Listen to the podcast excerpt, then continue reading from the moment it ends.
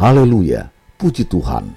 Akhirnya tinggal hitungan hari lagi kita akan segera menyelesaikan program pembacaan Alkitab audio setahun, yaitu selama 365 hari, suatu pembacaan yang disesuaikan dengan jadwal rencana baca dari Back to the Bible Chronological Reading Bible. Tetap semangat untuk terus mendengarkan firman-Nya. Tuhan Yesus memberkati.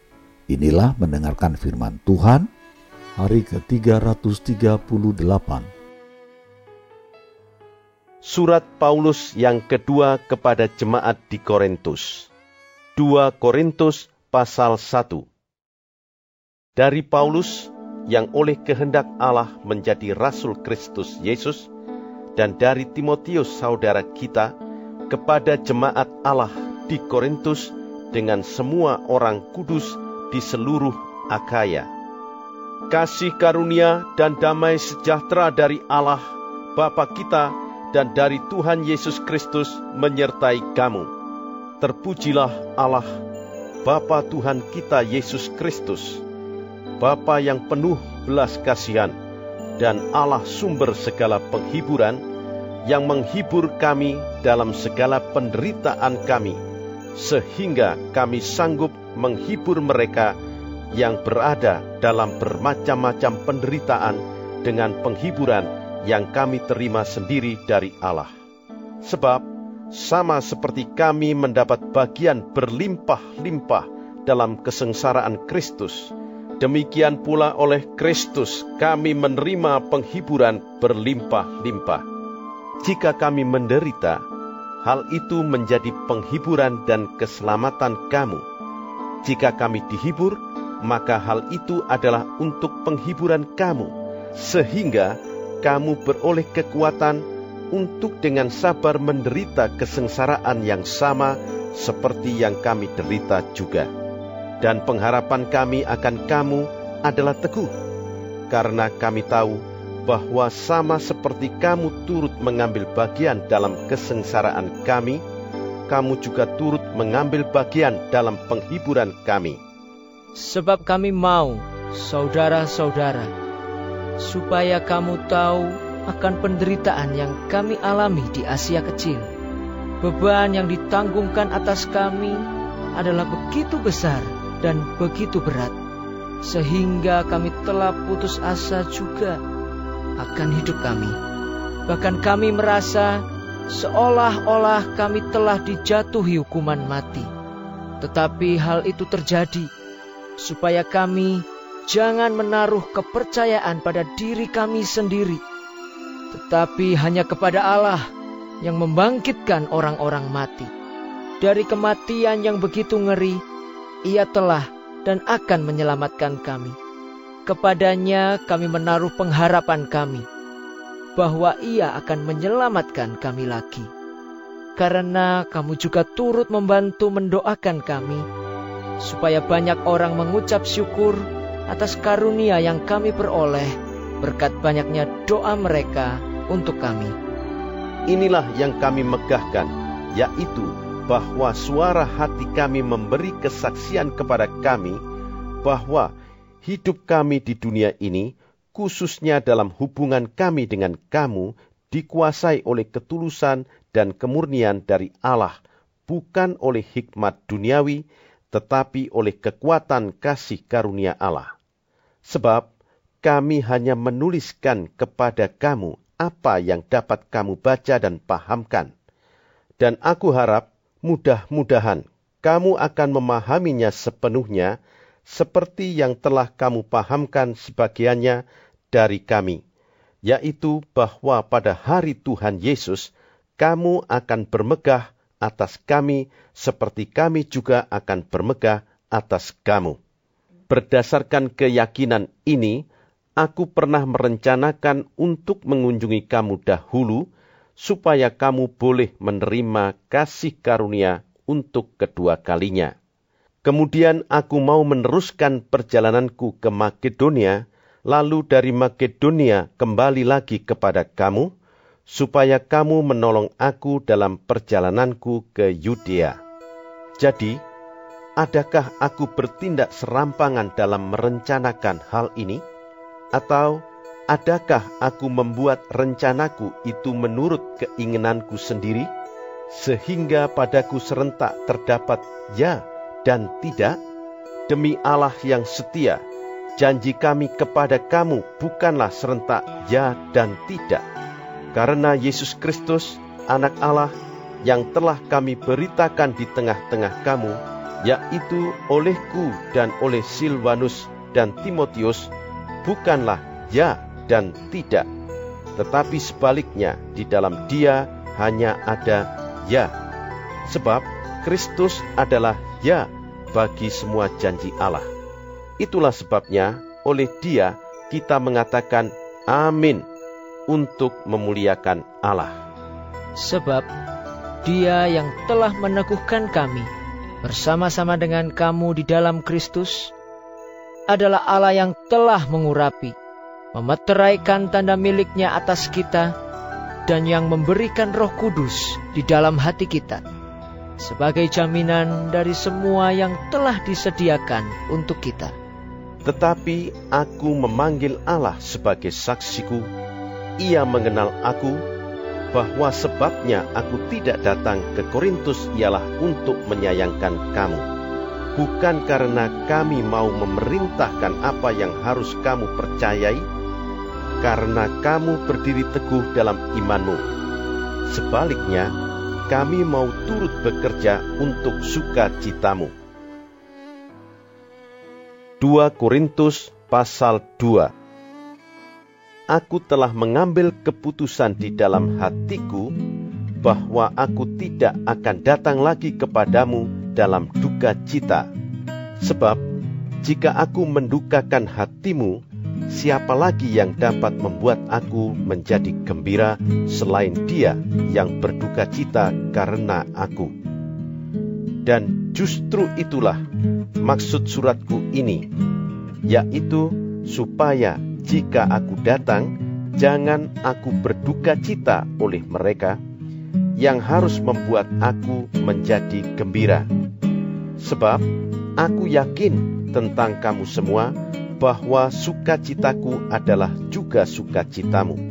Aku menulis kepada kamu dengan hati yang sangat cemas dan sesak dan dengan mencucurkan banyak air mata bukan supaya kamu bersedih hati, tetapi supaya kamu tahu betapa besarnya kasihku kepada kamu semua.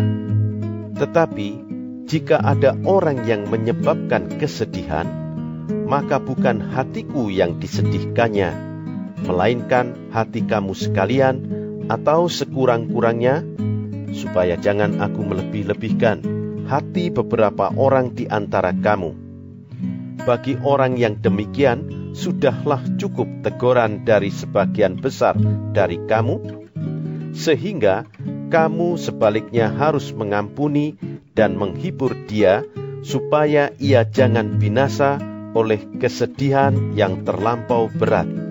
Sebab itu, aku menasihatkan kamu, supaya kamu sungguh-sungguh mengasihi dia, sebab Justru itulah maksudnya aku menulis surat kepada kamu, yaitu untuk menguji kamu, apakah kamu taat dalam segala sesuatu. Sebab barang siapa yang kamu ampuni kesalahannya, aku mengampuninya juga.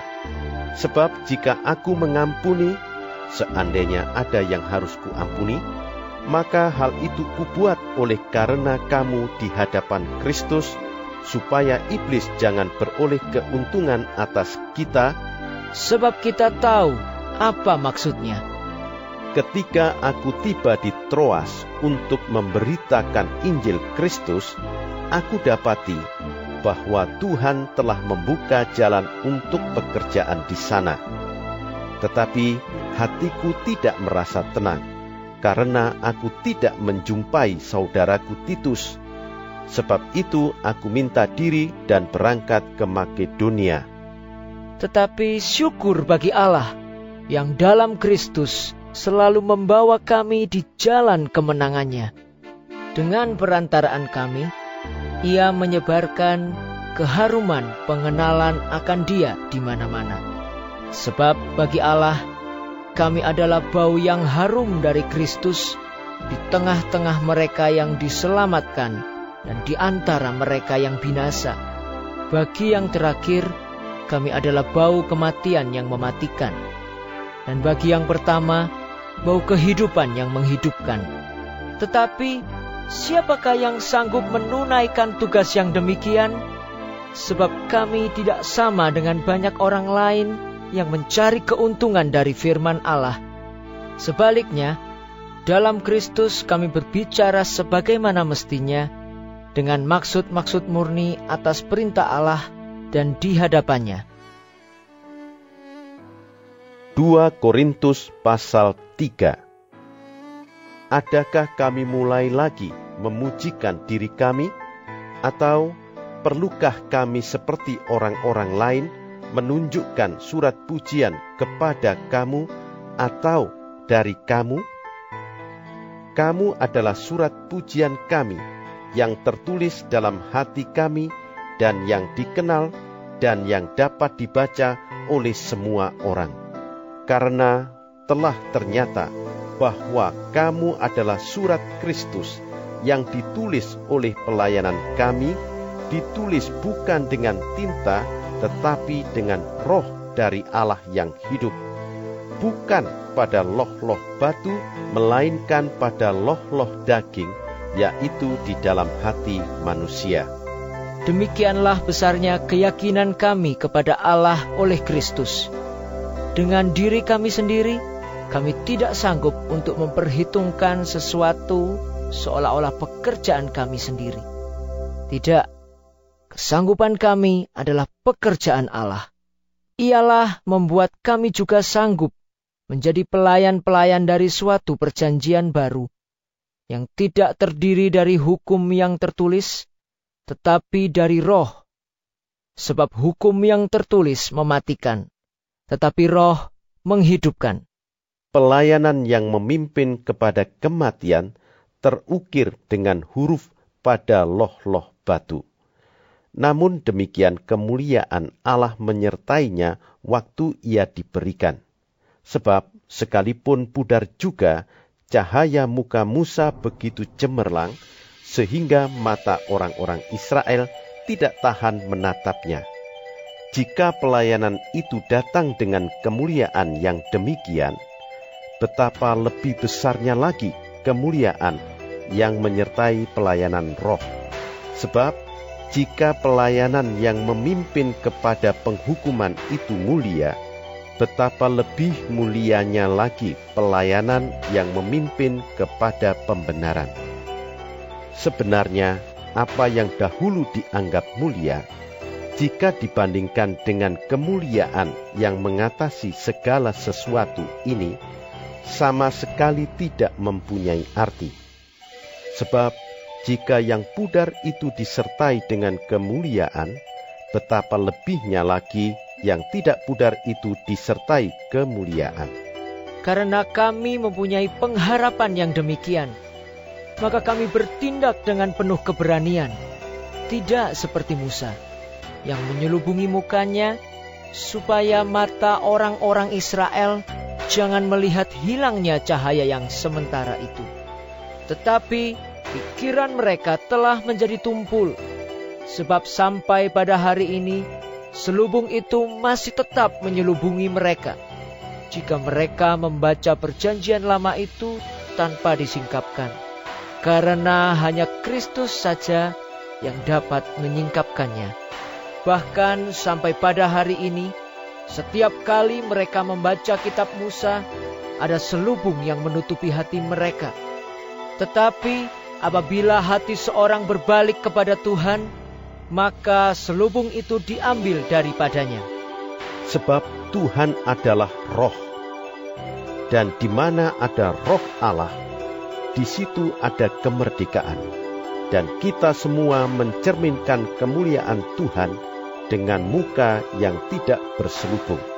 Dan karena kemuliaan itu datangnya dari Tuhan yang adalah roh, maka kita diubah menjadi serupa dengan gambarnya dalam kemuliaan yang semakin besar. 2 Korintus pasal 4 Oleh kemurahan Allah, kami telah menerima pelayanan ini. Karena itu, kami tidak tawar hati, tetapi kami menolak segala perbuatan tersembunyi yang memalukan. Kami tidak berlaku licik dan tidak memalsukan firman Allah. Sebaliknya, kami menyatakan kebenaran, dan dengan demikian kami menyerahkan diri kami untuk dipertimbangkan oleh semua orang di hadapan Allah. Jika Injil yang kami beritakan masih tertutup juga, maka ia tertutup untuk mereka yang akan binasa, yaitu orang-orang yang tidak percaya, yang pikirannya telah dibutakan oleh ilah zaman ini, sehingga mereka tidak melihat cahaya Injil tentang kemuliaan Kristus yang adalah gambaran Allah. Sebab bukan diri kami yang kami beritakan, tetapi Yesus Kristus sebagai Tuhan dan diri kami sebagai hambamu karena kehendak Yesus. Sebab Allah yang telah berfirman, dari dalam gelap akan terbit terang ia juga yang membuat terangnya bercahaya di dalam hati kita, supaya kita beroleh terang dari pengetahuan tentang kemuliaan Allah yang nampak pada wajah Kristus. Tetapi harta ini kami punyai dalam bejana tanah liat, supaya nyata bahwa kekuatan yang melimpah-limpah itu berasal dari Allah, bukan dari diri kami. Dalam segala hal kami ditindas, namun tidak terjepit. Kami habis akal, namun tidak putus asa. Kami dianiaya, namun tidak ditinggalkan sendirian. Kami dihempaskan, namun tidak binasa. Kami senantiasa membawa kematian Yesus di dalam tubuh kami, supaya kehidupan Yesus juga menjadi nyata di dalam tubuh kami. Sebab kami yang masih hidup ini terus-menerus diserahkan kepada maut karena Yesus, supaya juga hidup Yesus menjadi nyata di dalam tubuh kami yang fana ini. Maka demikianlah, maut giat di dalam diri kami dan hidup giat di dalam kamu. Namun, karena kami memiliki roh iman yang sama, seperti ada tertulis, Aku percaya sebab itu aku berkata-kata. Maka kami juga percaya dan sebab itu kami juga berkata-kata.